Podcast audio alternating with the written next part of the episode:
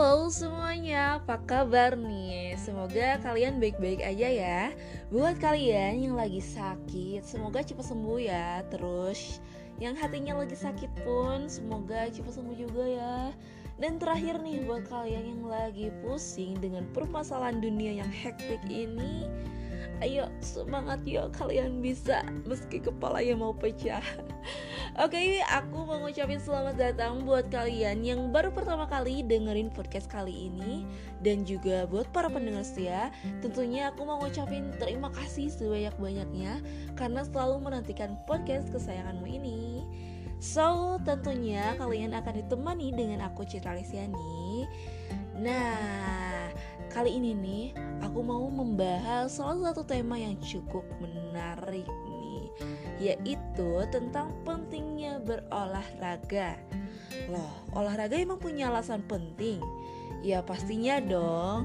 Nih, informasi ya, setiap kalian berolahraga itu akan memperkuat otot utama nih di dalam tubuh kalian, yaitu jantung. Karena memang faktanya nih ya Orang yang gak suka berolahraga Akan rentan mengalami penyakit jantung dua kali lebih tinggi Dibandingkan dengan orang yang suka berolahraga. Wah ternyata memang faktanya ya emang bermanfaat banget ya bagi tubuh. Nah sebelum ke pembahasan nih Kita kedatangan narasumber yaitu seorang ibu rumah tangga yang sangat cantik nih Yaitu Ibu Lis Lasri Oke, selamat pagi Ibu Eli. Selamat pagi Ibu. Pagi juga. Oke Ibu, kan tadi kita ngebahas tentang bermanfaat olahraga nih. Aku mau nanya nih ke Ibu, Ibu suka olahraga nggak? Ya suka. Oke, biasanya Ibu suka berolahraga di mana nih? Olahraganya oke okay, oke. Okay. Jenis olahraganya seperti apa nih, Bu? Bisa dijelasin atau gimana gitu, Bu? Olahraganya seperti senam. Oke, oke, oke, oke. Menurut Ibu, manfaat dari berolahraga itu sendiri apa sih, Bu? Manfaatnya untuk jaga kesehatan tubuh supaya stamina stamina-nya baik. baik. Uh, dan jaga jantung gitu lah. Ah, oke, oke, oke, oke. Terima kasih Ibu atas waktunya. Sama-sama. Oke, terima kasih Ibu yang sudah bergabung di podcast Citra ini. Terima kasih banyak atas waktunya ya, Bu. Nah, tadi Ibu Alis juga kan sudah menyampaikan manfaat olahraga bagi kesehatan tubuh nih. Oke, aku mau menjelaskan apa saja sih alasan kenapa olahraga itu baik. Nah, yang pertama yaitu menurunkan tekanan darah. Menurut World Health Organization atau WHO, olahraga aerobik merupakan jenis latihan fisik yang dapat menurunkan tekanan darah tinggi. Latihan aerobik ini bersifat repetitif dan ritmik serta menggunakan jenis otot yang besar seperti otot kaki, bahu, dan lengan. Beberapa contoh latihan aerobik yang dapat kalian praktikan antara lain renang, jalan santai, jogging ataupun jumba. Nih, tadi kan sama seperti Ibu Alis ya yang sudah dijelasin olahraganya tuh kayak senam-senam kayak gitu gitu. Nah, yang kedua yaitu meningkatkan produksi oksigen tubuh, yaitu berolahraga memperkuat otot sehingga meningkatkan kemampuan otot untuk menghasilkan oksigen di dalam sirkulasi darah. Dengan cara ini, jantung bekerja lebih efisien untuk memompa darah ke seluruh tubuh. Dan yang ketiga yaitu menjaga berat badan tetap ideal. Dengan berolahraga, kalian tentu akan membakar kalori. Olahraga aerobik pun menimbulkan defisit kalori, sedangkan olahraga ketahanan meningkatkan massa otot. Olahraga yang dikombinasikan dengan pola seimbang akan membantu menjaga berat badan dan kadar kolesterol darah tetap ideal. Keempat, mengurangi stres. Suasana tegang yang disebabkan stres terus-menerus dapat memicu tekanan darah tinggi. Berolahraga dapat meningkatkan mood dan percaya diri sehingga bermanfaat bagi kalian, bermanfaat baik gitu ya untuk mengendalikan stres. Oke, kelima yaitu meningkatkan kadar kolesterol baik. High density lipo protein atau HDL disebut dengan sebutan kolesterol baik membantu membersihkan pembuluh darah dari kolesterol jahat berlebih. Kolesterol berlebih tersebut akan dipindahkan ke hati di mana akan melalui proses metabolisme.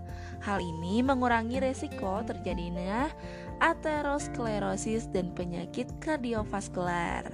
Nah, itu alasan-alasan penting. Jadi, lakukan olahraga yang kalian suka ya, yang bermanfaat baik juga bagi kesehatan jantung. Bisa dengan berjalan santai, jogging, bersepeda, jumba, berenang dan apa saja yang memicu jantung tetap bergerak ini. Semua hal itu akan berdampak positif kok terhadap kesehatan dan kebahagiaan, kebahagiaan kalian nanti. Nah, akhirnya sudah beres nih pembahasannya. Semoga informasi yang aku paparkan ini bermanfaat ya. Sampai ketemu lagi di episode-episode selanjutnya. Bye bye. Selamat siang para pendengar setia Radio News FM. Sejumlah informasi terkini akan tersampaikan. Seperti biasa dengan saya Citra Listiani yang akan menemani aktivitas Anda selama 45 menit ke depan. Berita kali ini dari dunia kesehatan yaitu tentang bertambahnya virus Omicron di Indonesia. Kementerian Kesehatan melaporkan adanya penambahan 27 kasus varian COVID-19 Omicron di Indonesia pada hari Minggu 26 Desember 2021. Maka, dengan adanya penambahan ini, total keseluruhan virus Omicron yaitu 46 orang. Menurut Siti Nadia Tarmizi, sebagai juru bicara vaksinasi Kementerian Kesehatan menyampaikan bahwa kasus yang ditemukan ini sebagian besar berasal dari para pelaku perjalanan internasional. Mereka yang terdeteksi yaitu saat tiba di Indonesia dan menjalani karantina sekitar 10 hari, di mana beberapa kasus terdeteksi setelah mereka menjalani lebih dari tiga hari dalam masa karantina. Maka, hal ini menunjukkan bahwa 10 hari merupakan durasi yang memang tepat untuk mencegah pasien dengan Omikron yang menulari pihak lain di luar fasilitas karantina. Selain itu, 27 orang yang terkena paparan kasus Omikron sebagian besar telah menjalani karantina di Wisma Atlet dan sebagiannya lagi di RSDPI Sulianti Saroso.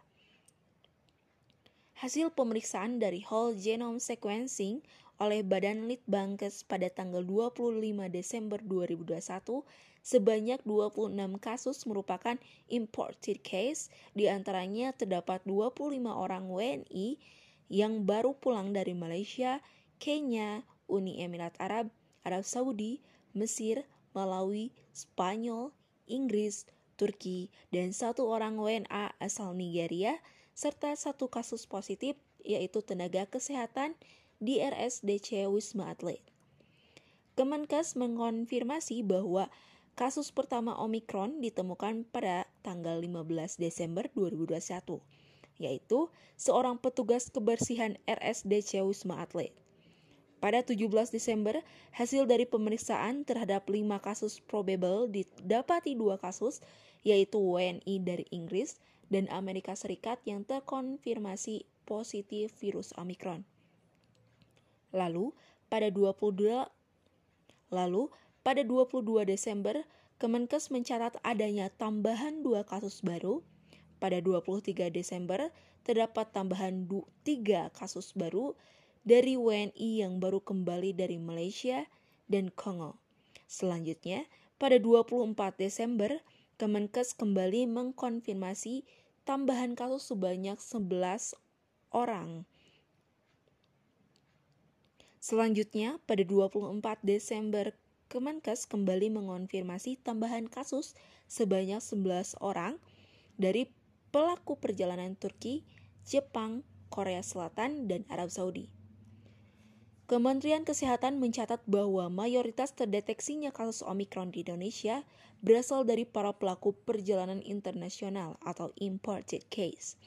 Oleh karena itu, jubir vaksinasi Kemenkes menyampaikan pintu masuk negara baik itu darat, laut, maupun udara akan diperketat. serta dihimbau agar masyarakat menunda perjalanan ke luar negeri dan masyarakat tetap disiplin menerapkan protokol kesehatan 5M. Baiklah, demikian informasi siang ini yang bisa saya sampaikan kepada para pendengar. Semoga selalu semangat dalam menjalankan aktivitas sehari-hari. Saya Ciral Stiani, pamit undur diri. Selamat siang.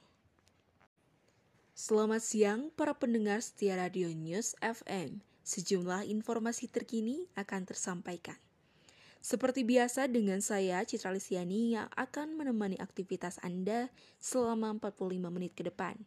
Berita kali ini dari dunia kesehatan yaitu tentang bertambahnya virus Omicron di Indonesia.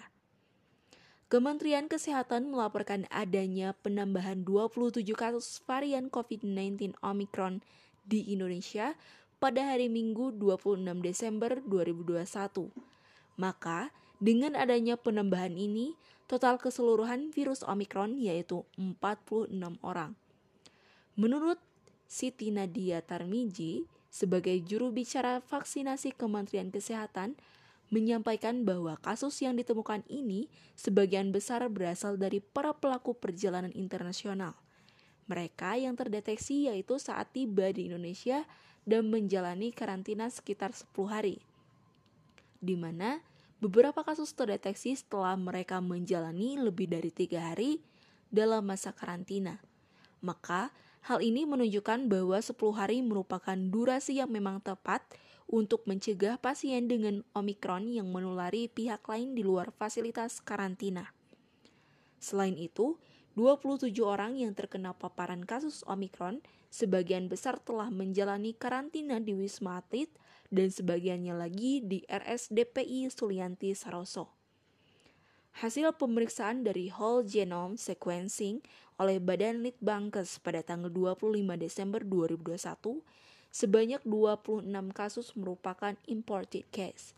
Di antaranya, terdapat 25 orang WNI yang baru pulang dari Malaysia, Kenya, Uni Emirat Arab, Arab Saudi, Mesir, Malawi, Spanyol, Inggris, Turki, dan satu orang WNA asal Nigeria, serta satu orang kasus positif yaitu tenaga kesehatan di RSDC Wisma Atlet.